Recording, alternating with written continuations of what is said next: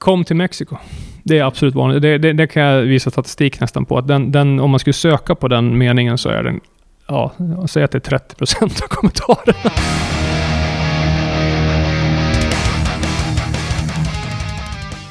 Japp, då var du 18 sekunder in i avsnitt 247 av Rockpodden. Varmt, varmt välkommen! Jag är sjukt lycklig idag över två saker. För det första så sålde ju den här pedalen som vi snackade om förra veckan, RPOD1, slut. Finns ingen kvar, förutom ett enda ex som jag har sparat här hemma och det kommer jag lotta ut på Patreon imorgon fredag 22 oktober. Så in och bli månadsgivare på Patreon så deltar du i den utlottningen. Och på det sättet kan jag bli ännu gladare. Det andra som jag är svinglad över idag, det är att det här är ett avsnitt som jag vet att folk kommer höra av sig efteråt och säga Fan vad kul, nu har jag upptäckt ett nytt eh, svinbra band.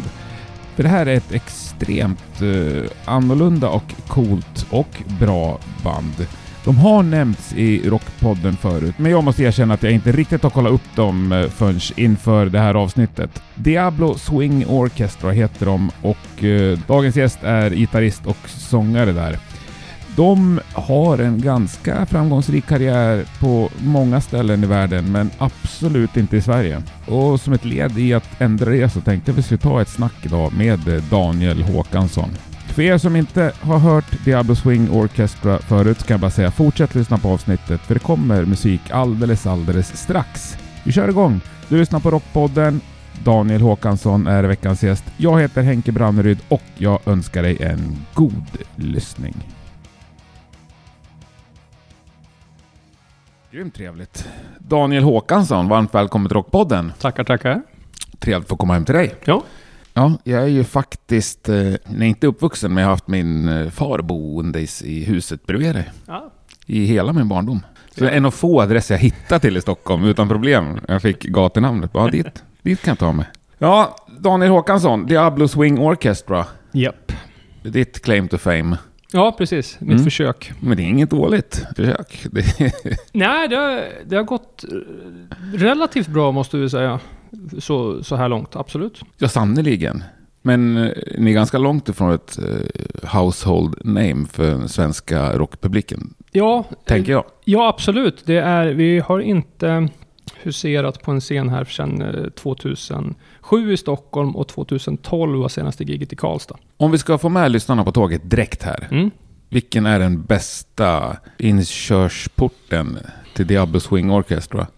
Alltså, det, mm, om man vill verkligen veta vad det kan vara för någonting så är det från... Eh, antingen om vi ska ta skivan som inte är släppt än, och så det kan bli svårt kanske om det ska spelas upp. Men från förra skivan så finns det en låt som heter eh, Superhero Jagannath. Där vi blandar in allt vi kan eh, i en och samma låt. Och det, det blir som, som ett litet showcase, eller showreel Mm. över bandet på något sätt. Då kör vi den här. Ja.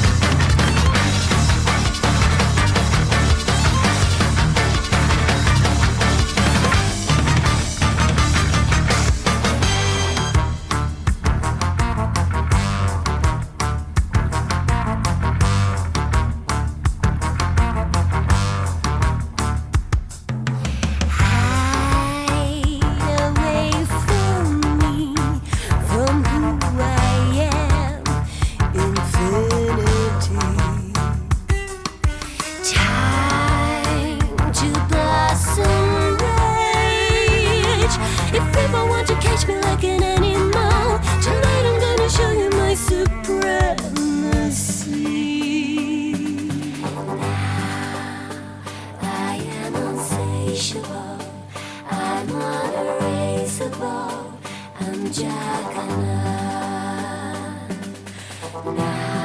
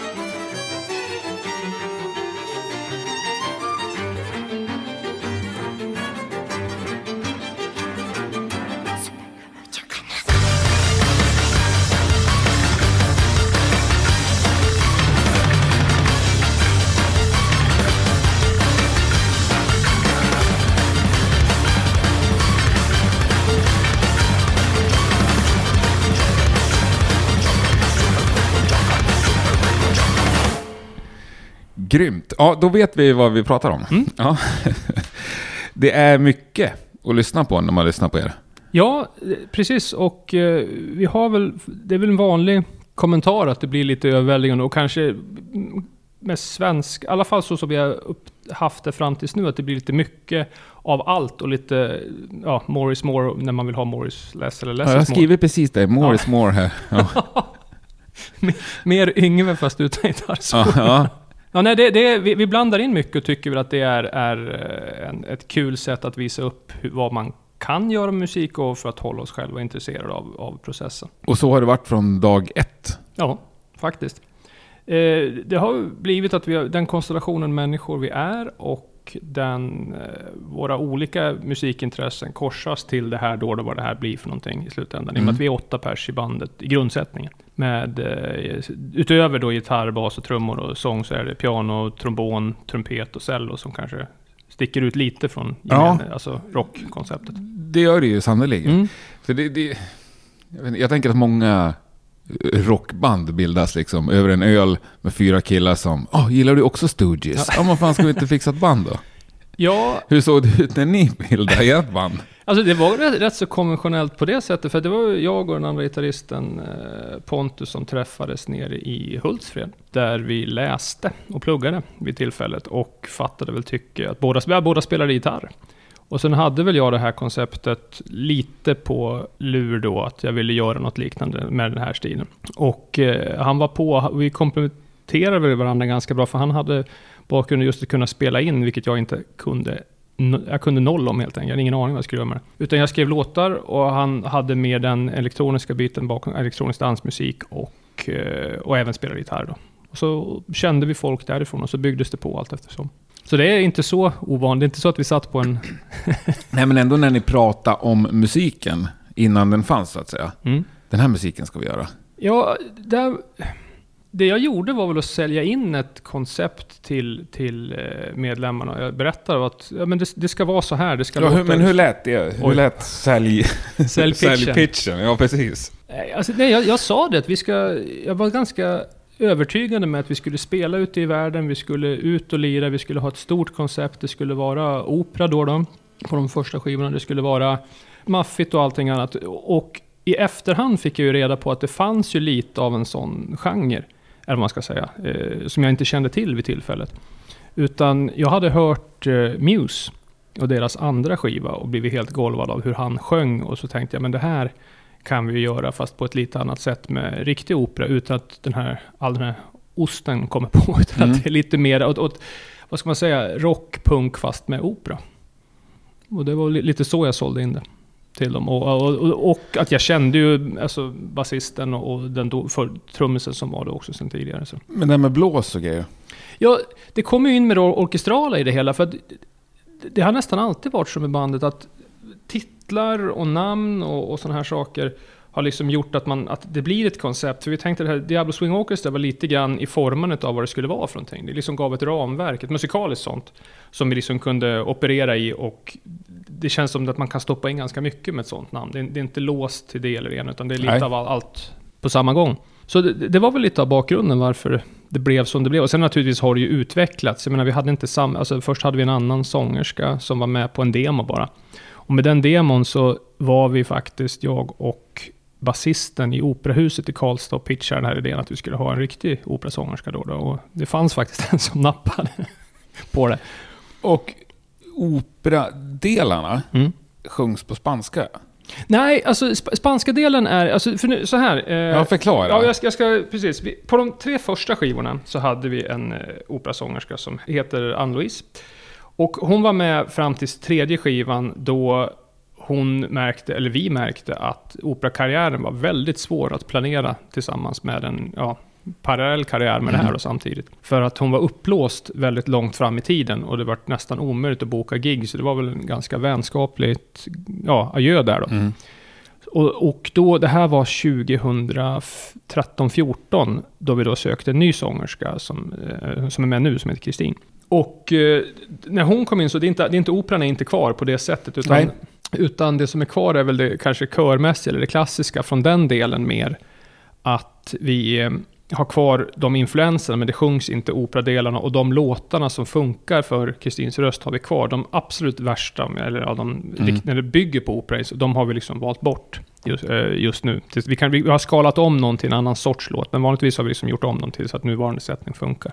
Eh, och spanska, det är faktiskt först nu på absolut sista singeln vi har, har, eh, har haft med spanska. Därför att vi har väl haft en kärleksaffär med Mexiko sedan 2009 när vi var där och lirade första gången. Och vi har varit mottagna med väldigt öppna armar.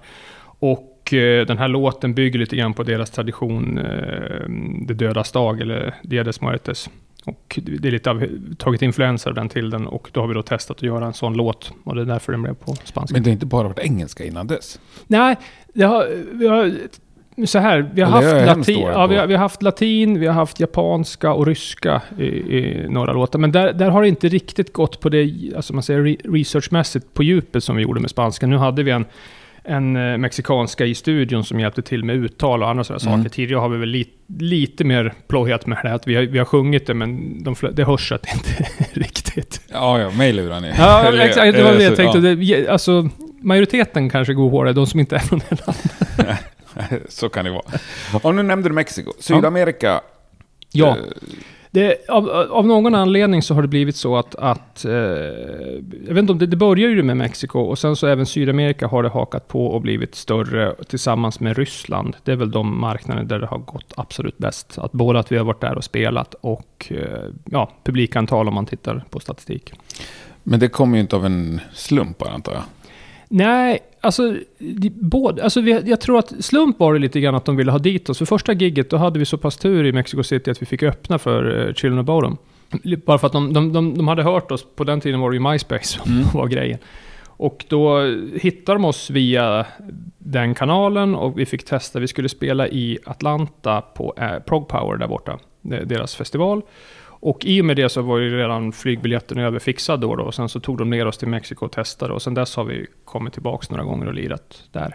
Faktiskt fler gig i Mexiko än i Sverige sen vi startade. Det är ju bra jobbat ändå. Ja, För det är ju en bit. Ja, det är ju både jätteroligt i och med att om man, publikunderlaget är ju någonting helt annat än i Sverige. Jag menar, även om du når någon promille där i Mexico City så har du ju en ganska Mm. stor publik jämfört med här. Mm. Men liksom, ja nu förklarar just det där giget, men annars också ekonomi med ett åttamannaband och flyga Mm. till Mexiko. Ja, alltså det, det är det som är grejen. I och med att du har ett annat publikunderlag och jag tror att det som sålde när vi har spelat som flest i Mexico City, då är det typ 3000 personer och sådär. Så då finns det ju ekonomi i det på ett Mhm. annat sätt att bygga kring. Och sen får man ju ta de andra spelningarna, som, ja, som de flesta band gör, att man har några main gig som liksom finansierar det hela. Och sen så kör du de andra för att etablera bandet och så vidare. Mm. Så att det, det, så, nej, det är, inte, det är inte billigt alla gånger. Och jag menar, de första giggen vi tog runt om och spelade, då är det ju liksom no, nollsummespel eller vad heter det, någon, någon lite back. Men sen så med tiden så har det väl arbetats upp. Och så åker vi ju dit där det finns publik helt enkelt. Det är därför vi inte har spelat här hemma så mycket. Men hur, hur, ja, hur tänker ni kring turnerandet om vi tar framåt liksom? Hur, Ja, hur, hur många gig vill ni ha om året? Ja, alltså vi har ju sagt så. vå- Vårt mål är ju att vi ska kunna vara så pass etablerade att vi kan, jag ska inte säga välja och vraka, men om vi vill spela så ska vi få spela. Och då får vi ju fortsätta bygga på några marknader där vi inte finns än.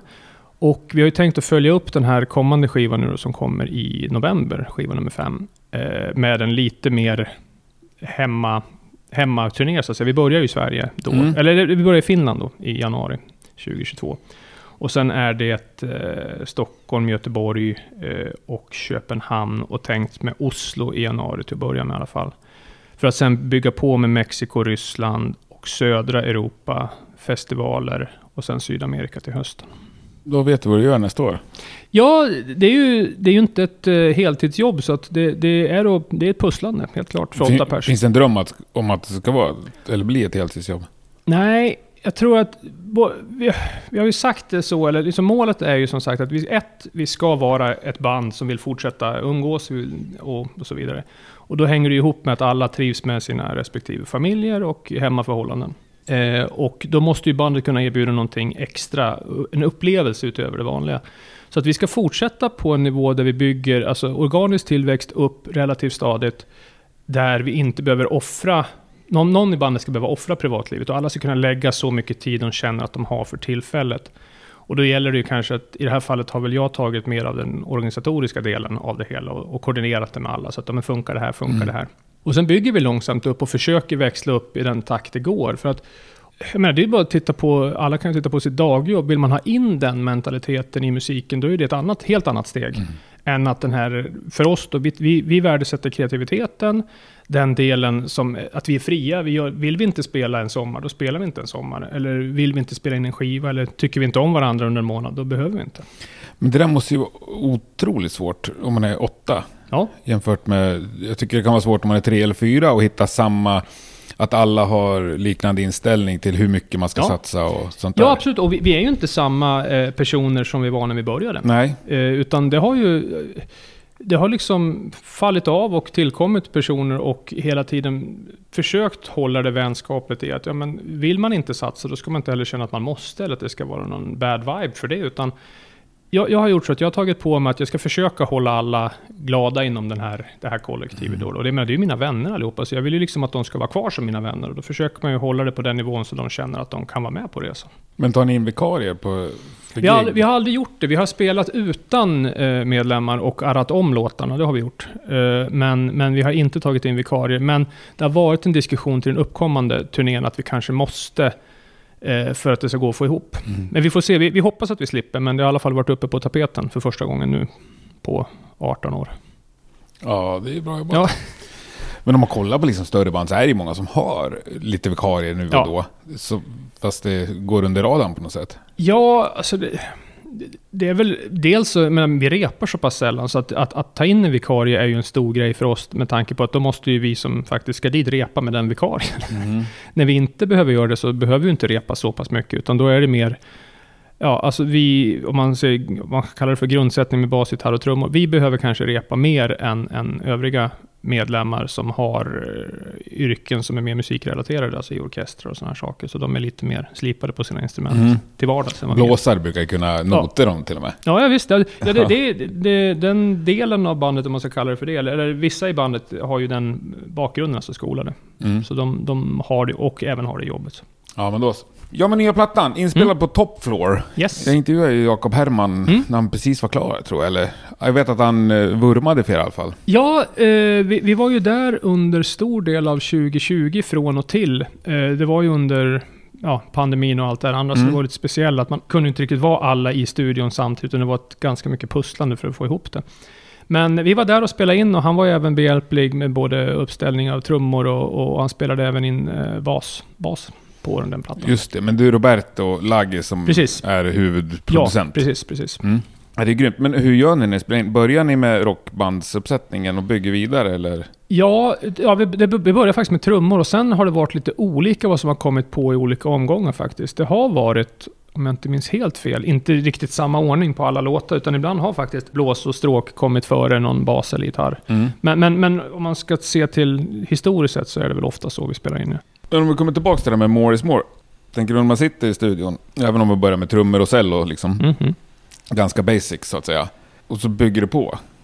När känner du, eller ni, eller Roberto så här, "Nej, men nu räcker det faktiskt? Där har vi faktiskt haft lite det var- olika... måste varit bra då med så här 24-kanalsbanden. Nu är det stopp. Ja, nej, vi, har, vi har haft många diskussioner om det här och, och Roberto har ju satt ner foten historiskt och även nu och säger att men, vi, vi får inte plats med allt det här. Och vi har, det är lite olika inställningar i bandet också, att hur mycket som ska in. Eh, jag vet inte om jag tror att det är jag och Martin på trumpet som är värst med att slänga in hur mycket som helst i en Mm. och samma låt. Och sen så får man kanske sålla vid mix, och det är väl det mycket Roberto har gjort då. Det Han är har så sållat hästjobb att Ja. mixa. Ja, han, han mår inte alltid toppen. Han Men han har jobbat med i många, många år. Och Ja, flera han, plattor. han, han, kom in på andra skivan Ja. och, och har varit kvar sedan dess. så han är med i tänket. Han, han vet vad han Ja. ger sig in på när han börjar, Ja. hoppas jag. Eh, Men, men alltså, kan ni ge oss en bild ändå hur det ser ut där uppe på toppen när sista spåret ska på eller av? Ja, alltså det, det, diskussionerna går varma när det, när det kommer till... Alltså in, många gånger så är det så att vi spelar oftast in som vi har tänkt, måste jag Mm. väl ändå säga. Det är sällan vi bryter och ändrar jättemycket. Däremot så kommer det ju förändringar mot slutet. Vi säger att men det här låter inte tillräckligt, vi la inte tillräckligt många trumpeter här, eller det var gitarr. Gitarr är i och för sig enklare, men stråk och blås kan ju bli lite av ett pussel om vi inte har gjort det, för att det är många inhyrda som kommer och, och lägger saker på också. Och då kan det bli så att man behöver stötta upp och eh, jag vet att Martin gjorde ett hästjobb den här produktionen att stötta upp med, med eh, samplingar, eh, alltså tillsammans med det inspelade. Ja, okej. Ja. Om man ville ha ett, nej men det vart för lite rum här eller vi hade fel sorts klang eller vad det nu var för någonting. Så då kunde liksom man lägga i bakgrunden bara lite, väldigt, väldigt subtilt men det gjorde, gör mycket för helheten. Men hur stor blåssektion är det på inspelning? Eh, på- alltså på, på den här gången så är det faktiskt mest, då är det, nu ska vi se så jag säger rätt här, det är ju tuba, eh, trombon och trumpet ur den delen va? På den här skivan tror jag. Och de spelade faktiskt in eh, en och en och dubbade. Medan stråk så är det större eh, sektioner som spelar. Och då vet om det är fem eller sex eller fyra. Jag är osäker faktiskt, men sen dubbar de sig själva Mm. flera gånger på också. Mm. Ganska påkostad inspelning. Ja, eh, det är det. Men har ett skivbolag som... Ja, eh, det ligger på eh, Spinefarm och Universal där som ligger i botten. Mm. Som hjälper till. Så att det blir av. Ja. Mm. ja, för det är ju... Det återkommer till hela tiden känner, men det är ju en helt annan grej att driva runt än ett vanligt rockband. Ja, alltså vi har hållit på så länge så vi har väl dåligt med referenser hur det är att, att, att spela i ett vanligt. Alltså jag personligen har väl allt... Jag menar live tycker jag att... Eller jag vill vara i en trio. För den friheten som Mm. det ger och allt annat. Och det är väl... Har väl haft diskussioner efter gig att vi inte är. Ja, just Men, men eh, eh, det, det organisatoriska kommer ju ner till att vi måste, alltså ett, vi måste vara, tycka om att hänga, vi är polare och på Mm. så sätt så kommer man runt de här, alltså, det är inte jätteroligt att sitta på flygplatser eller, eller repa tidigt en söndag morgon bara för att någon ska iväg och någonting. Men, men jag tycker vi har klarat det bra ändå och, och, och mig vetligen är vi fortfarande vänner allihopa så att det, ja, det går om, man, om alla vill. Mm. Men jag kommer också fortsätta nöta om det här med soundet. Förutom operadelen då som försvann, liksom, hur tänker ni att soundet... Eller vad tänker du om nya plattan? Liksom, känner du att ni har utvecklat soundet? Eller förfinat det? Eh, ja, Förfinat samma eller har ni liksom utvecklat det?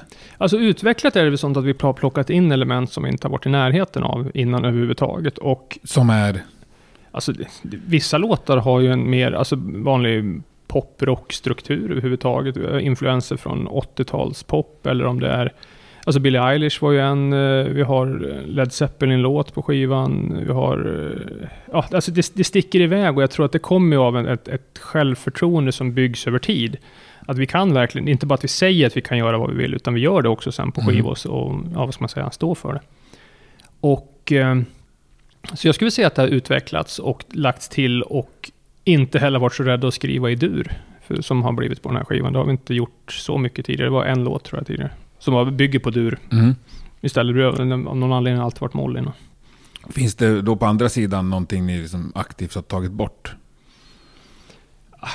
Alltså, det- som, ja, det kan man väl säga. Om, om man ser till första skivan som kanske sticker ut åt ett annat håll i form av att den var mer i... Om, om nu Female Frontal Metal var en genre, Mm. eller är en genre, eh, så var den kanske mer omedvetet i den genren då. Och sen var det ett tydligare avsteg från den från skiva två och framåt. I och med att då visste vi om att det här fanns, och då var det inte lika roligt längre. Nej, då vill ni inte ni vara med. Nej, då vill inte vi men då vill vi göra något annat.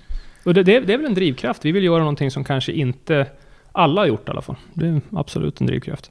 Mr Bungle för övrigt. Ja, Är det något ni har lyssnat på? absolut. Och eh, vi, har ju lyssnat... Alltså, så här. Liksom det enda jag... Det, det är det enda jag kan eh, Ja, grepp, och det, greppa det, efter. Absolut, och det är en vanlig, vanlig eh, Mm. koppling. Men jag, jag, jag brukar tänka så ibland att vi kanske har lyssnat på samma sak som Mr. Bungle har lyssnat på och tagit intryck av samma. För att vi, kan, vi, har, vi har faktiskt inte tagit intryck av så många band som, om man då konceptuellt har liknat oss. Utan antagligen från samma, alltså samma bredd av, Mm. av influenser. Från genrer, alltså allt från funk, jazz, swing till, till eh, black metal och allt, allt däremellan har, har fått plats. Mm. Så att jag tror att vi kanske har samma angreppssätt som Mr. Bungle utan att de har varit en stor, alltså inga husgudar hos någon i bandet, fast vi naturligtvis har känt till dem. Ja, Jag fattar. Ja, du spelar gitarr, det nämnde vi kanske bara. Ja, jag, jag spelar gitarr och sjunger eh, och det har väl varit mer av sångandet på den här skivan än, eh, än eh, förra. Mm. Och det, det, har- det har växlat lite hur mycket jag har sjungit på skivan. Tanken var inte alls att jag skulle sjunga. Utan det var att, att Ann-Louise skulle sjunga allt när hon kom in från första skivan. Men så märkte vi att vi hade skrivit för, för lågt Helt enkelt, så hon kunde inte sjunga det. Ja, Fan också. Ja, det var så enkelt. Ja, det var så enkelt. Då fick jag sjunga istället. Och sen märkte vi att ja, men det är bra med lite variation. Mm. Så det behåller vi. Och sen så efter det, så, vi har ju tagit in andra, alltså, på andra skivan hade vi mest en annan baritonsångare som var inne och sjöng, till exempel på två låtar. Och så, ja. Men vad kommer du från för musikalisk grogrund? Det är svensk punk. Det är där som är... Så fan? Ja. Ja. Mm. Det är där det sitter. Och det, det är väl det som är... Alltså Ebba Grön eller Millencolin? Nej, nej, eh, 90-tal, alltså me- mer Ebba Grön, Strebers åt det hållet. Så Mm. Strebers och, och, och följaktligen Diaz Alma då, det var ju en stor, stor eh, influens. Och är fortfarande. Det kanske inte hörs naturligt, men, men det är det. Det hörs inte och det syns inte heller tänkte jag säga. ja, Nej. du förstår vad jag menar. Ja, ja, ja. ja nej, nej, men det, det är vissa, det. vissa har ju förmåga att se ut, se ut Som- också som de gör. Ja, till exempel jag. Alltså man Se- lyssnar. Menar Ser så? ut exakt som när jag gick i gymnasiet liksom, fortfarande. Ja, nej, ja, ja, ja, ja, jag såg kanske annorlunda ut i gymnasiet, men, men, nej, men det, de... Eh, det måste jag väl säga, det var där jag började spela... Eh, Strebers var den första låten jag faktiskt började planka då och började spela. Och sen har det varit faktiskt trios, om man ska ta något, något som har hängt ihop det. Men, först kom ju eh, ja, alla svenska punkband då, nu var vi inte... De var väl trio först tror jag, jag är osäker. Det samma var väl en trio ett tag och sen blev fyra med Pontus där som kom till tror jag. Ja, jag ska inte säga att jag kan det, men, men, men så, så har jag i alla fall, brukar jag sammanfatta. Sen kom ju hela grungevågen eh, naturligtvis, eh, och lyssnade mycket, mycket på. Och man kan ju dela in det, vad man kommer från musikaliskt när man faktiskt spelade och tog ut, för det sitter ju fortfarande kvar i ens influenser. Alltså Mm. det, de låtarna faktiskt spelade som, som ung då. Till influenser senare. Sen är det på senare år då, så en otroligt stor inspirationskälla fram till, vad kan det vara, tredje, fjärde skivan var Muse. Mhm. Eh, lyssnat otroligt mycket på, även spelat låtarna. Och även sången där golvade mig helt när jag hörde först. Så, det är väl- Samma här faktiskt. Ja. så där... där Som eh, att det är sista låten han sjunger innan han ska dö. Ja. En chans kvar Ja. Ja. Och vet, de, de klipper inga andningar. Eller de gjorde Nej, i alla fall inte. innan, men jag, Ja. det, det vet de. Jag, jag tyckte jag kände mig musikalisk när jag liksom, fan vilka inandningar, lyssna. Sen inser jag att de, de är så medvetna om det där. Ja, ja. De sitter ju och höjer upp dem. Ja, just det. Det, ja, det, det, det är kompressorn säkert som de låter vara kvar i. Och Ja. de, inga, inga, inga krympningar i Pro Tools på de inandningarna. Tvärtom. Ja, det är precis tvärtom. Ja, men det är ju skitbra. Men har du lirat punk och... Ja, ja. Ja. Mycket. Alltså det var ju så vi, alltså första... Vad blir det nu? Fyra, fem åren. Då var det ju punkband som Mm. spelades. Så det var fort och det var inte så noga. Och det, det, det sitter kvar fortfarande. Jag vet att det inte hörs på kanske hur vi låter, men, det, men det, live är det tydligare. Men för, du skriver den mesta musiken. Jag har gjort och det har utvecklats till att vi har blivit fler och fler låtskrivare eh, i bandet som, som bidrar. Det man kan säga är väl att jag eh, håller ihop visionen och skriver Mm. naturligtvis. Men alltså är sammanhållande idag mycket. Men vad, vad kommer liksom... Jag får inte ihop det med det här äh, spanska blås... Äh, Nej, alltså, var kommer det ifrån? När känner du att det här ska jag? alltså det, det, är ju en, det är en smält degel av alla naturligtvis. Mm. Och alla, alla i bandet ska ha cred för det. Men om man tittar på bakgrunden, som började innan eh, eh, punk och eh, metal och allt det andra som Mm. kom någon gång när jag var 16 säger vi då. Så min, min eh, mamma eh, var aspirerande operasångerska. Och eh, som, hon la i och för sig ner den karriären ganska tidigt, men hon höll kvar vid körsång. Så under hela uppväxten så har jag lyssnat på körverk av Mm. alla dess slag. Och hon har även visat mig vad... Alltså, man kan kalla det en emotionell musikutbildning hon har Mm. gett mig. Hon har visat vad musik kan göra med en, att man kan, man kan få tårar, man kan få gåshud och så har hon visat var i låtar man känner vissa saker och så vidare. Så det är en annan slags musikalisk utbildning Mm. hon har gett mig. Och sen har hon spelat, hon gjorde blandband väldigt tidigt med musik från hela världen. Det var, ja, säckpipekonserter. Hon kunde visa hur, alltså här kan det låta. Mm. Så det är helt omedvetet. Utan hon, hon visade upp glädjen hon kände inför musiken och så blev det som en slags utbildning för mig. Coolt. Ja, jag, jag, jag, jag, är jätteglad över den idag. Gillar hon Diablo Swing Orchestra? Ja, hon, hon gillar det faktiskt. Hon, gillar, hon brukar visa upp det och sånt där. Det är blandat på, på pappas sida om man tycker det är bra eller inte. Nej men det... Svårsmält, det låter ju som att det är ett negativt ord. Men det är lång inkörsport känner jag. Mm. Det, det, ja, det, det är...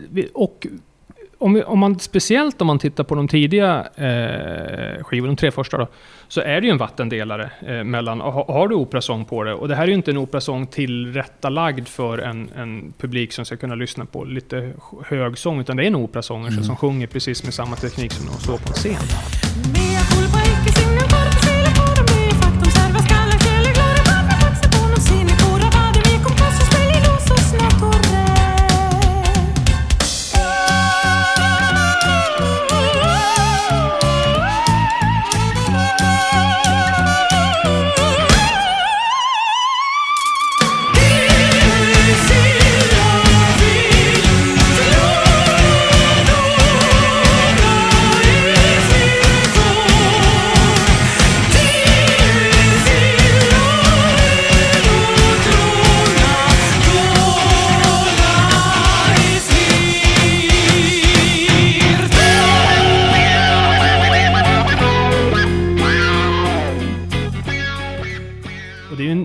Röst som går igenom. Det är ingenting som du gömmer dig, utan du, du bygger bandet runt den rösten. Och det, det skrämde bort många, tror vi.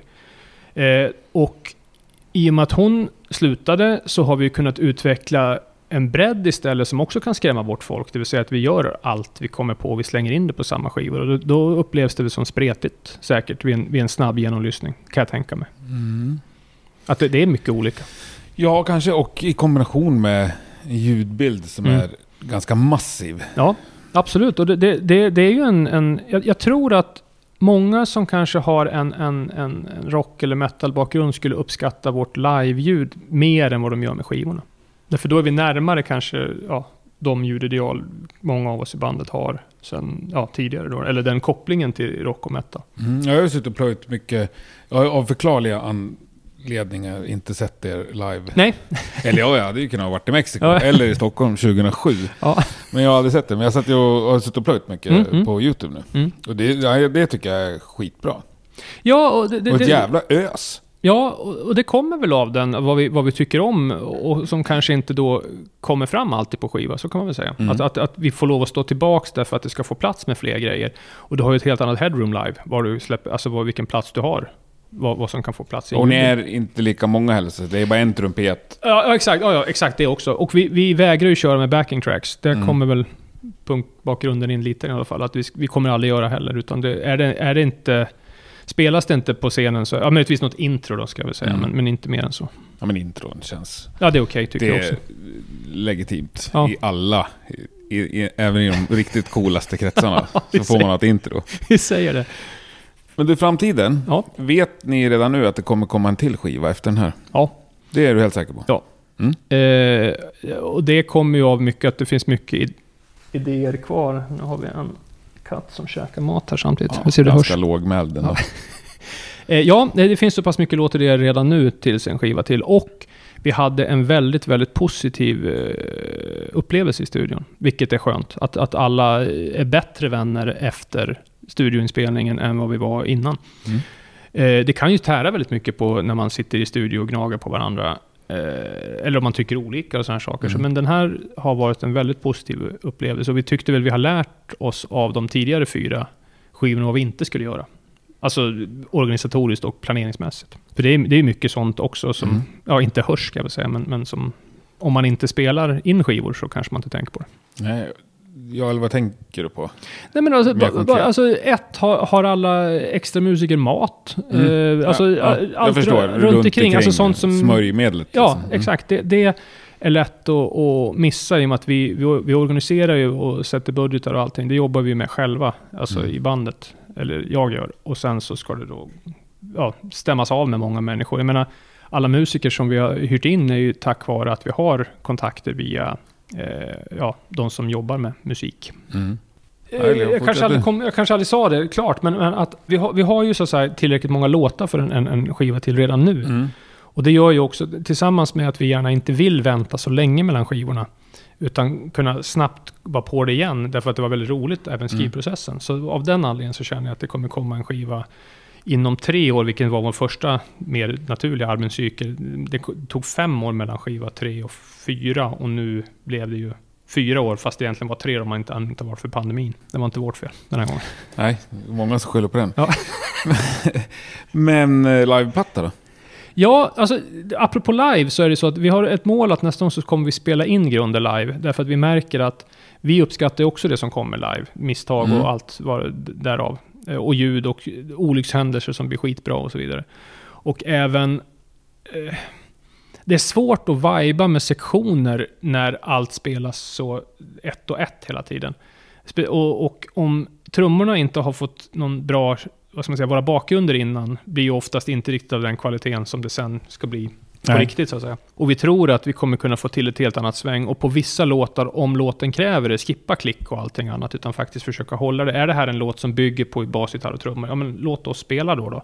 I alla fall tre, kanske inte behåller Mm. min gitarr, men andra gitarristens gitarr. Och sen så får vi lägga om något sånt. Men inte live i Mexico City? Jo, det, Med men, det, men, då, då och- blir det ju, men då blir det mer ett projekt av att vi vill bygga på med, med, eh, med, eh, symfoniorkester eller alltså extra musiker på plats och sen gör vi en sån Okej, inspelning. ja. Att vi gör en, alltså så som kanske bandet i våra huvuden är tänkt att låta när det är som störst. Mm. Maffigt projekt. Ja, det, det skulle vara skitkul. Ja. Hur beter sig er publik? Det har varit allt från folk som svimmar till folk som bara står i, i, i baren och dricker öl, beroende på vilket. Ja, det, just den publiken har alla band råkat ut för tror jag. nej, men, nej, men o- o- om vi tar Men de som... spelar ni för sittande publik ibland? Vi har gjort. Vi hade faktiskt ett gig i Danmark, som jag inte kommer ihåg exakt när det var, som en filmfestival. Och det, Alltså det var länge sedan, så det var inte många där, men då var det några som hade några extremt smala kortfilmer de var där och, och presenterade. Och så hade de lyckats dra in oss på scen där samtidigt. Så det Coolt. var en väldigt skum mix av... Ja. För- för- Men jag tycker ibland så, om man tänker så här, sådana som åker på konserthusturné så att säga. Mm. Ibland kan gränsen vara ganska fin mellan rockklubb och konserthus. Mm, mm. Eh, Och likväl jazzklubb också. Ja. Men ni skulle inte platsa på ett konserthus? Alltså, det, det, vi har tänkt så här att i, i den så som vi har uppträtt så passar vi nog inte på ett konsert. Alltså så som vi har låtit live. Det är lite skränigt för... Alltså, vi känner att vi har ju byggt på energi live, men vi har ersatt arrangemangen med energi när vi spelar live. I och med att vi har kastat ut stora delar av vad, vi, vad som spelas på skivan. Och då översatt det till en, en, en livesättning. Så att om vi ska göra en sån turné, vilket naturligtvis har diskuterat, då är det ju men då ska vi arra tillbaks det till en sättning som bygger på lite mer struktur och mindre kaos eh, när vi spelar. För det skulle vara roligare, liksom att det blir mer av en upplevelse, det blir mer bara ett massivt dån när vi spelar som det låter idag, kontra hur det låter på skivor. Förutom dånet, hur tänker ni kring liksom image? Och hur ni framstår? det, det, alltså imagen som sådan har, vad har varit att, det, har, i och med att det är ju mycket humor i, i musiken, alltså vi, vi, vi försöker, alltså inte slapstick, men alltså, vi, alltså musikalisk humor kan man väl säga, Mhm. att man, lägger, man, kop, man kombinerar saker som kanske inte är det vanligaste, eller att man slänger in andra språk, eller vad det nu var för någonting. Kanske en lågmäld humor. Men, men eh, imagen som sådan är nog ganska tillgängliga och, och vill vara en del, prata med publiken, vara... Alltså jag försöker svara på väldigt mycket, till exempel så, ja, om det är Facebook eller om det är ja, alla de här sociala medierna. För att liksom visa, ja men vi, vi är intresserade av att ha en kommunikation så länge alla sköter sig. Vad får ni för frågor på Facebook? Oj. Vad är vanligast? Kom till Mexiko. Det är absolut vanligt. Det, det, det kan jag visa statistik nästan på. Att den, den, om man skulle söka på den meningen så Mm. är den, ja, säger att det är 30% av kommentarerna. Men sånt som tar lite längre tid att svara på? Eller liksom vad, Alltså det, vad hör folk av sig om? Eh, hur skriver ni? Eh, vad, vad- vad, är era influenser? Eh, hur gjorde ni det här? Vad tänkte ni när ni skrev den låten? Många undringar kring hur gör ni egentligen, alltså i olika dess Mm. former. Och svaret är ofta, som, och det har jag gett förut också, att det är verkligen inte, det är väldigt traditionellt låtskrivande som börjar med gitarr och, och, eller piano. Och sen så är det en melodi och sen så kräver det i olika kostymer när låten ska arrangeras. Liksom. Att då, ja men det här får bli en sån låt, eller det får bli en sån låt beroende på vad vi plockar in. Liksom. Så det, det, det är inte så konstigt eller så, så avantgardistiskt som det kanske vid en, en snabb genomlyssning kanske låter. Nej, avantgarde metal har jag sett att det står Ja. om er ofta. Ja, Är det och- någonting ni själva använder? Ja, alltså, nej, det ska jag inte säga. Alltså, min bild av det är mycket mer uh, otillgänglig musik. Alltså hur jag ser det på, om, om man, om man ser, Mm. ser eh, vad ska man säga, benämningen. Och jag menar, vi har extremt traditionella melodier och, och, eller tonspråket generellt sett är verkligen inte så fjärran. Utan det är väl snarare kombon av vad vi bygger ihop det med som kanske kan ses som det. Kanske mer experimentellt då möjligtvis, men vi, vi, vi ser det nog inte så konstigt kanske som det kan, eller så som det beskrivs i alla fall kanske. Är det någon som har gjort en cover av er någon gång? Mm, det finns några stycken. Gör det? Ja, eh, inte jättemånga av na- kanske naturliga skäl. Men japanska skolband är inte helt ovanligt som görs. Alltså när, när de har syntar och blås, och då har det funnits några stycken. Ja, Alltså. det är stort ändå, eller? Ja, ja, det är jätte, vi, vi tycker det är lika kul varje gång. Det måste ju vara, det skulle jag tänka. Ja, ja, ja, det, Liksom, nej, alltså, vi, vi har ju... det är över tatuering, tycker jag. Ja, alltså tatueringar blir vi också glada för. Ju- Ja, ja, det ska jag också bli Ja. jätteglad. Men liksom någon Ja, en så- skola sitter ja, och ja. en cover, det, det är ändå... Ja, ja, visst, visst. Och Vi har, vi, har haft, vi har haft musikskolor som hört av sig. Många som frågar om noter, så det är väl ett projekt. vi Ja, just det. Det sa jag inte. Många, många frågar om noter till den eller den låten. Okej. För, och framförallt oftast då blås, stråk eller så som de ska spela på sin ja, slutkonsert eller om de ska ha så de ska sjunga någonting eller vad det så vill de ha hur, hur låt, ja, på noter helt enkelt. Men det finns inte? Nej, eh, inte strukturerat sånt. Det finns ju noter uppskrivna, men det är ju oftast antingen inför live-arren eller så är det liksom att hur, hur det spelades in i studion. Och då är det ju inte så som vi vill släppa ifrån oss. Som det, utan tanken är att vi ska göra en, en riktig sammansättning. Alla noter, alla skivor och sen ska vi försöka göra det tillgängligt. Notbok? Eh, Som, som man köpte tabböcker när man var Ja. yngre och så lärde sig på det, innan Shit, internet. Tabböcker alltså. Ja, det var länge sedan. Utdöende marknad. jag tror, jag tror de, har det, de har det knivigt just nu, marknadsmässigt. Och dyrt som fan också, var Ja. det? Jo, alltså de, de, den marknaden i och med internets intåg när man kunde klicka ner det via, alltså de, de måste ju ha tvärdött. Ja, det var länge sedan jag googlade upp en tabb, men det var, helvete vad mycket fel jag vet jag hittade. Ja, ja, det, ja absolut. Ja, vi har, vi har, ju- jag har ju sett våra låtar och tänker att nu, nu vill man gå in och pilla, så där ser det inte alls ut. Men Nej. nej. Nej. men så tanken är att även Tab då ska vi göra i ordning. Utan, men det är ett sånt jäkla projekt. Alltså, vi spelar ju väldigt sällan live som det är på skiva till och med. Så, så hur första skivan lät och hur Mm. vi spelade in det.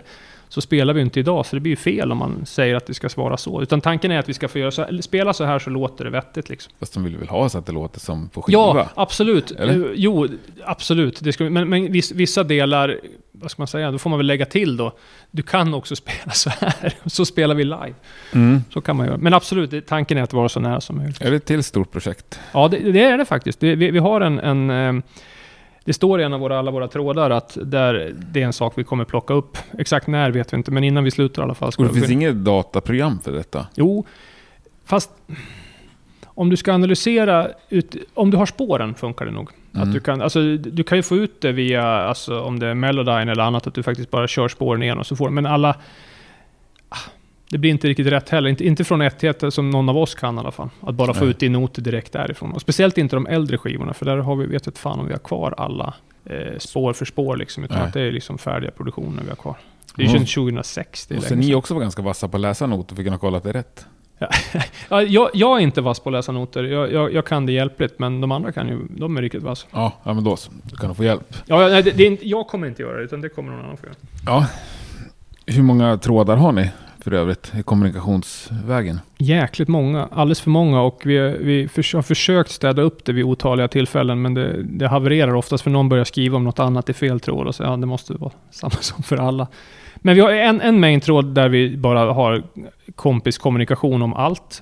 Och sen så har vi några viktigare trådar och några mer ämnesrelaterade. Och så håller det på sådär. Är det ett demokratiskt band? Eh, skenbar demokrati. Mm. Nej, alltså det beror på, det kan man inte säga. Det beror på ämne faktiskt. Vi, vi är väldigt demokratiska i vissa hänseenden och i andra inte alls. Alltså om, om man ser det musikaliska är vi väldigt demokratiska. Då försöker eh, jag verkligen involvera alla. Därför att det finns otroliga styrkor att få in. och- Alltså de är otroligt duktiga. Alla i bandet. Eh, om det gäller det organisatoriska så är det inte lika demokratiskt. Därför det går inte, tycker Nej. jag. Utan om, om vi ska iväg eller någonting annat, då bestämmer väl jag att vi gör så här. Och sen så naturligtvis hör jag om alla kan. Om någon inte kan så är det väl på så sätt demokratiskt. Men, men inte så att jag sitter och frågar om vi ska göra si eller så. så Du frågar inte om de vill. Nej. Nej, men om, ja, om någon, alltså vill förutsätter jag ju. Men, Jo, men, men- men, alltså, kan de så, ja. Ja. Så att det, det, är olika beroende på vilken, vilket ämne det rör, hur demokratiskt. Vi försöker, alltså vi, vi är vänner först och sen Mm. band. Och, eh, vi, Och du vi, är bandledare? Ja, Mm. så kan man Men säga. när det kommer till så här, yttre grejer, alltså skivomslag och Ja, det, det, merch och... vi har ju så förspänt i bandet att vi är ju faktiskt utbildade inom olika delar som kommer bandet till nytta?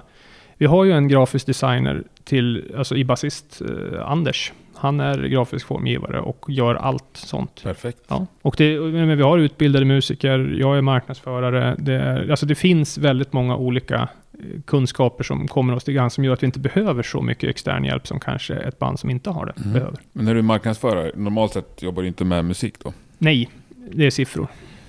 Marknadsföra siffror, ja. Ja, ja mar, mar, nej, jag marknadsför. Jag är utbildad där, men däremot så idag jobbar jag med, med, med siffror och ekonomi. ja. Men eh, det går att översätta till musikbranschen. Jag tycker att det, är- jag har lärt mig extremt mycket av mitt jobb till bandet och av bandet till jobbet. Därför att, jag menar, gruppdynamik är det ju få saker. Du lever så pass tätt under väldigt speciella förhållanden.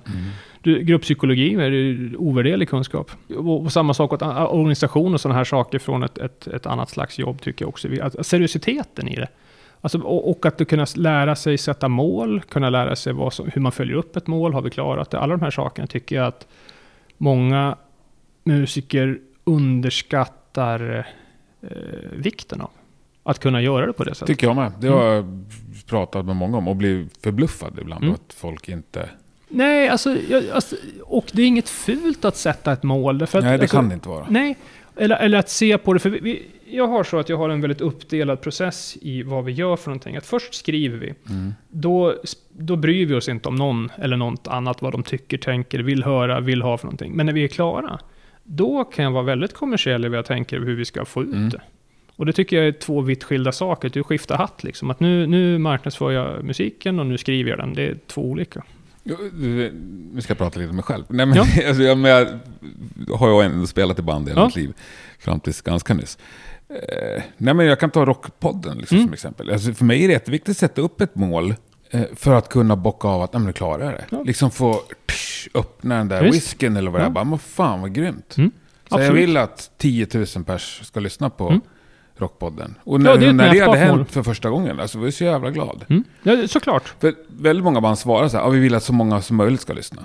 Fast det är Vi sälja så mycket ja. skivor som möjligt. Ja, det är klart att alla vill. Mm. Men man måste ju ändå kunna säga, shit, kan vi sälja tusen plattor? Ja. Då är vi värda en fest. Men det är ju skillnad på, alltså det, man kan ju skilja på, alltså, ja, det kan du ta in om du har en, en strategi, eller om du har ett mål, eller om du har en vision. Vad, vad du kallar det för. Alltså Mm. att vilja sälja mycket skivor är ju ett väldigt svårt, det är inte mätbart.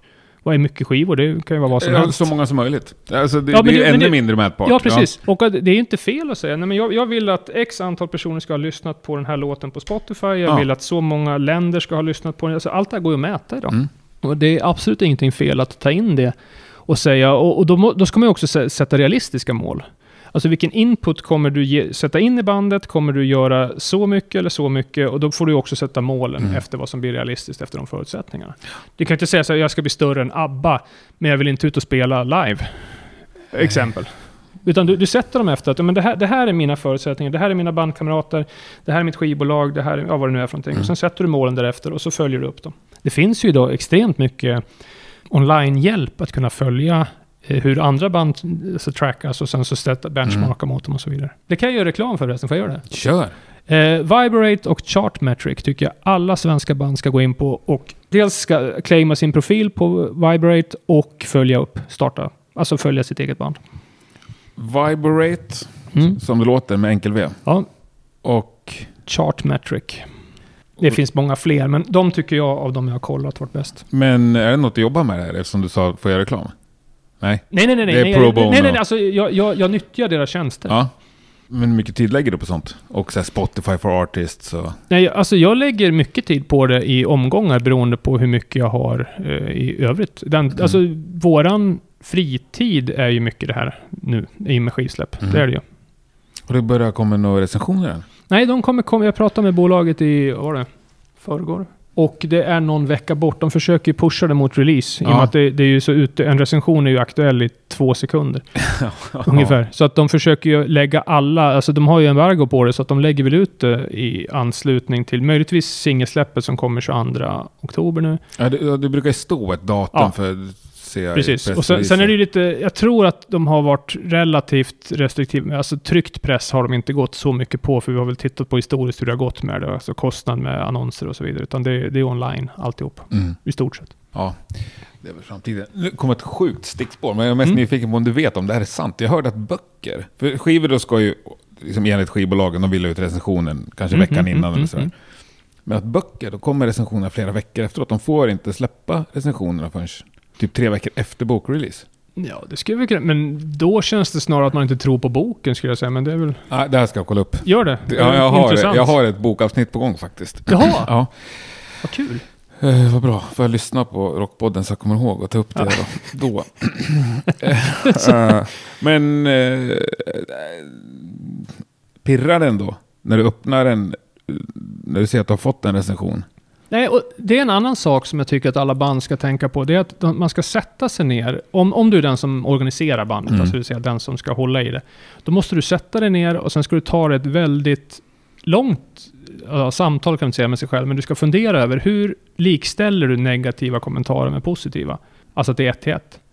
Och det absolut bästa sättet, eller tipset jag har, det är att du hittar ett band som du verkligen inte fattar. Du tycker det här är ja, sämst, om man ska säga så. Och så Mm. läser alltså det måste vara relativt stort då. Och så läser du på kommentarer, det kan ju vara YouTube, Facebook eller vad som helst. Och så Mm. läser du hur det förändrades, den här personens liv.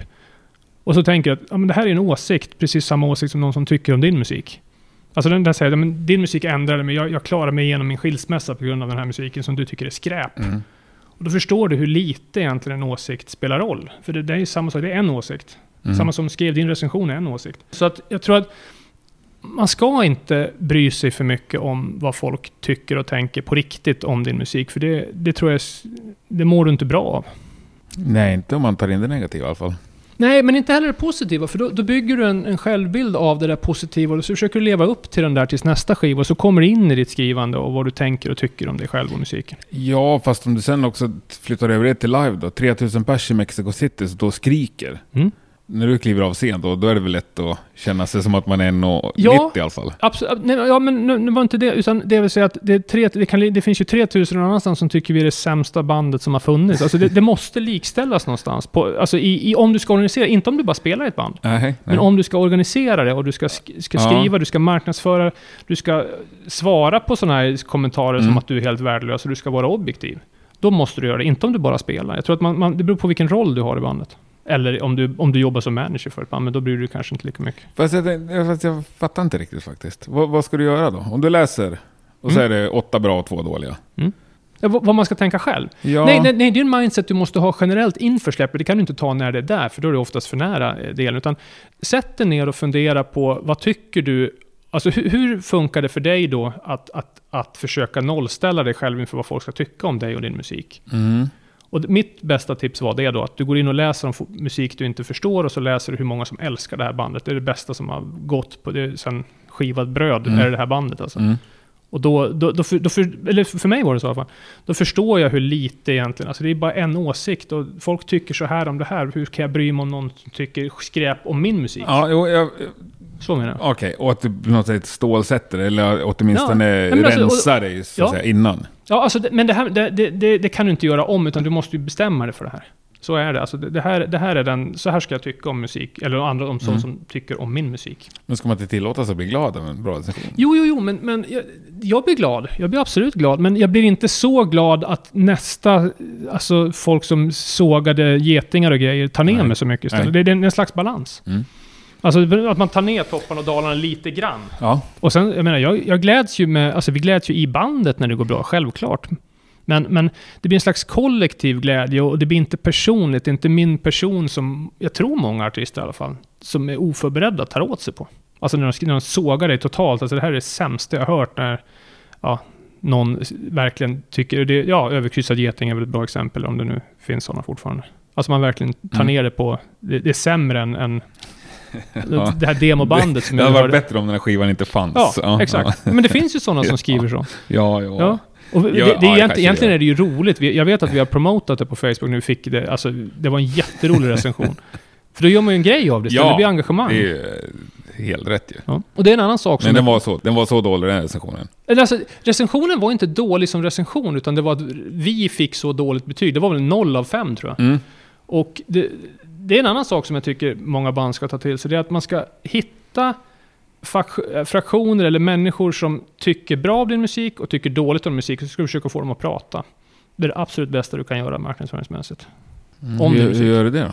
Ja, alltså nu gör vi kanske inte det i samma utsträckning, men när vi började gjorde vi så. Att du, om du, då fanns det ju forum och sådana saker. Alltså du, Mm. och, och, mycket var ju mycket mer publik till exempel. Och då kunde du gå in på, så läste du på ett forum och så kunde du till exempel söka, okej den här, den här eh, vad heter det, användarnamnet. Och så kunde du hitta på profilen eh, vilken e-mailadress som användes. Och så kollar du hur aktiv den personen var på olika forum där du antagligen kunde figurera. Och så hittar du en person som tyckte att den här personen kommer hata vår musik djupt och innerligt.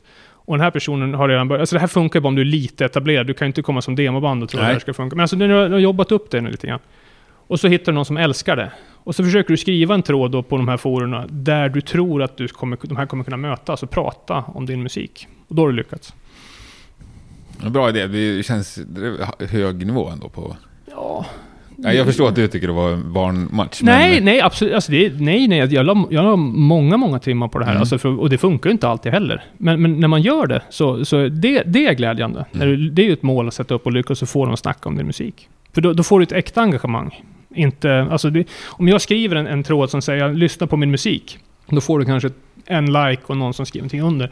Men om du får andra orelaterade till bandet att prata om din musik, då, får, då kan du få en lång, lång tråd som hela tiden uppdateras och som ligger högst upp. Därför att de sitter och säger att det är bra eller det är dåligt. och Ja, vidare. och det är ju, blir ju också... Mycket, om man säger Facebook är folk ganska snälla ändå eftersom Ja. de flesta ut, är där med sitt eget namn. ja. Ja, men jag får ju aldrig någon kritik under ett Rockpodden-avsnitt till exempel. Nej, Ytterst lite. exakt. Men om någon annan har lagt upp, då kan det ändå bli någon diskussion kring exakt. saker liksom. Ja, och det är ju det bästa och det, Ja. det, det ska man ju uppskatta. Alltså, negativ feedback kan vara, och, och gärna om den är publik. För då kommer någon som tycker du är bra dit ofta Mm. och försvarar dig istället och så är diskussionen igång. Mm. Vi öppnar dörrarna för negativ kritik. Ja. Nej, det, det, och det, det är absolut. För- och- Men ni vet ju om att det inte är för alla, så att säga. Nej, så, och, och det tror jag, det är ju väldigt... Alltså, är du för alla så blir det ju lätt mellanmjölk av alltihopa också, tycker jag. Jo, men... Eh, Men mindre smala... ni är för ännu ja, färre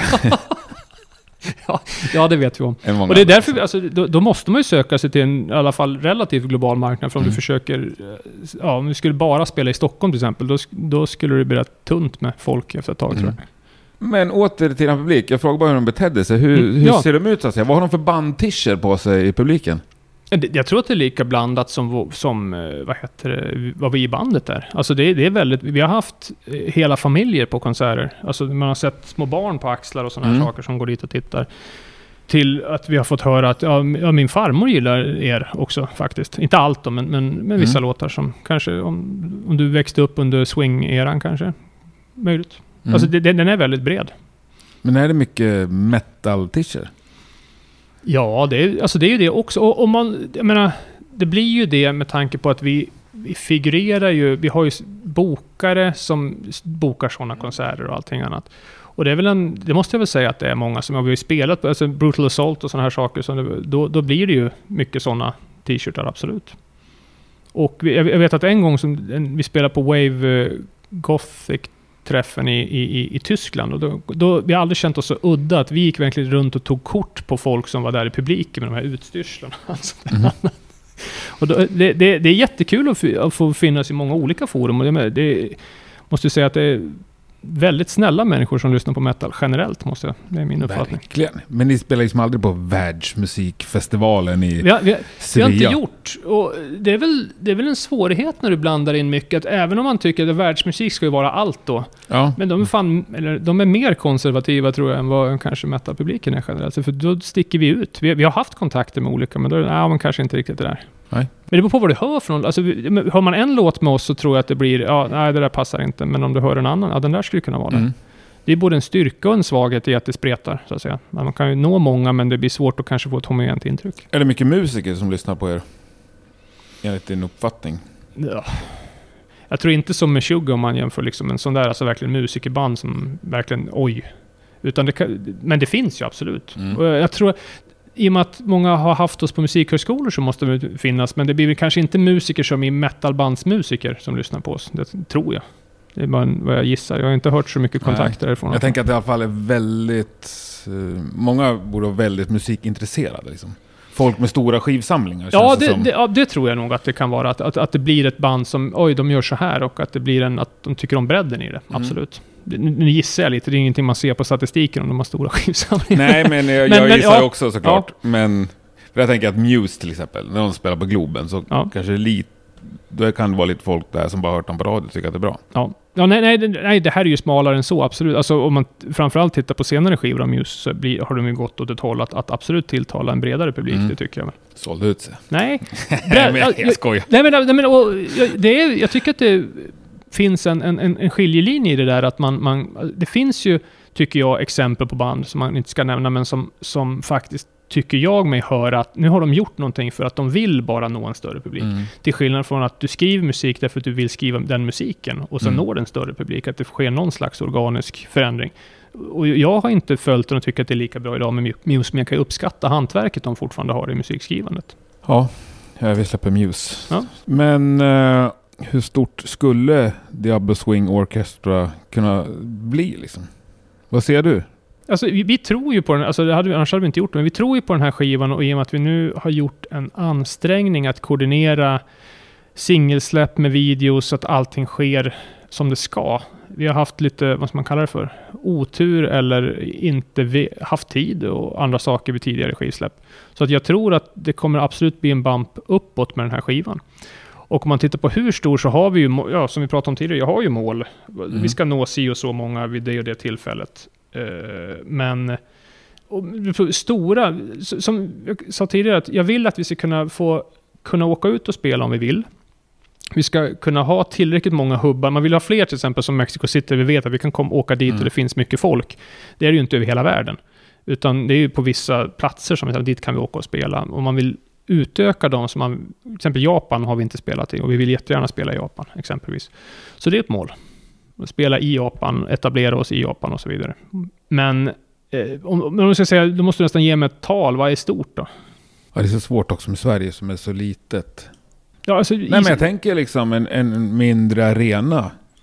i, I Sverige? Ja, eller du kan väl ta i Europa då? Ja, absolut. Då, men, men, men då blir det tillbaka till igen. Alltså, om, det, om, det är, om man hittar en nivå att man säger att men, om vi spelar nere i lite mer folktäta länder och att man kommer upp att det är 2-3 tusen på dem, absolut. Mm. Skulle, skulle det kunna bli det, men jag är osäker på om vi har liksom möjligheten att lägga all den tiden som det behövs. Om man, man tittar, jag menar som Tyskland där alla band Mm. vill vara och spelar, hur det finns liksom både människor och pengar, eh, så är det ju en otrolig konkurrens också. Mm. Det är svårare att komma kanske med ett mer nischat band i Tyskland än, eller vad vi upplevt i alla fall, till exempel Mexiko och Sydamerika. Och Ryssland för den delen Mm. också. Men, men vi tror att vi kommer kunna växa ganska ordentligt eh, med den här skivan, därför att det finns en bredd på låtarna som kommer kunna tilltala olika marknader på ett sätt som vi inte har haft tidigare. Eh, därför att det, det, vi har tillåtit så många genrer att komma in. Sen kan det nog bli svårare för att få de olika marknaderna att vilja komma på samma konsert, därför att Ja, bandet spelar. Det är som att vi är med på olika playlists. Men du får köra tre gig varje stad då? Ja, Ett, nej, nej, ett och, konserthus, en rockklubb Ja, visst, och en visst. jazzklubb. nej, och, men, men som mål där, alltså, vi, vi skulle gärna kunna göra vi skulle vilja göra en uppsättning, ha möjlighet att göra en uppsättning med bandet med en turné som gör låtarna rättvisa så som det kanske vi skulle vilja att det skulle kunna låta. Så kan man säga. Mm. Önskar er lycka till med det. Ja, tack, tack. Och det ska bli otroligt spännande att följa er i framtiden. Ja, Nu har jag ju... också. Nu är ni med på min radar. Ja, Låter bra. Grymt trevligt att få träffa dig. Ja, Och stort tack för en fantastisk kardemummabulle där Ja. innan vi körde. Får ta en till. Eller ja, någon annan slags Ja, bulle. kanske blir så. Ja. Kanske packar ihop. ha det grymt. Detsamma. Tack. Tack, tack. Jävligt coolt band va, eller hur? Diablo Swing Orchestra. Jag längtar efter att se dem live i alla fall. Hoppas vi ses där. Stort tack för att du har lyssnat. Fantastiskt trevligt ju. Nästa vecka återkommer Rockpodden precis som vanligt. Eh, och om det här var att ta ut svängarna lite så gör vi det igen nästa vecka fast på ett helt annat sätt. Hoppas verkligen vi hörs då. Diablo Swing Orchestra släpper ju en ny singel imorgon, den 22. Men vi avslutar här med den senaste singeln. Celebremos lo inevitable. Perfekt uttal. Ciao!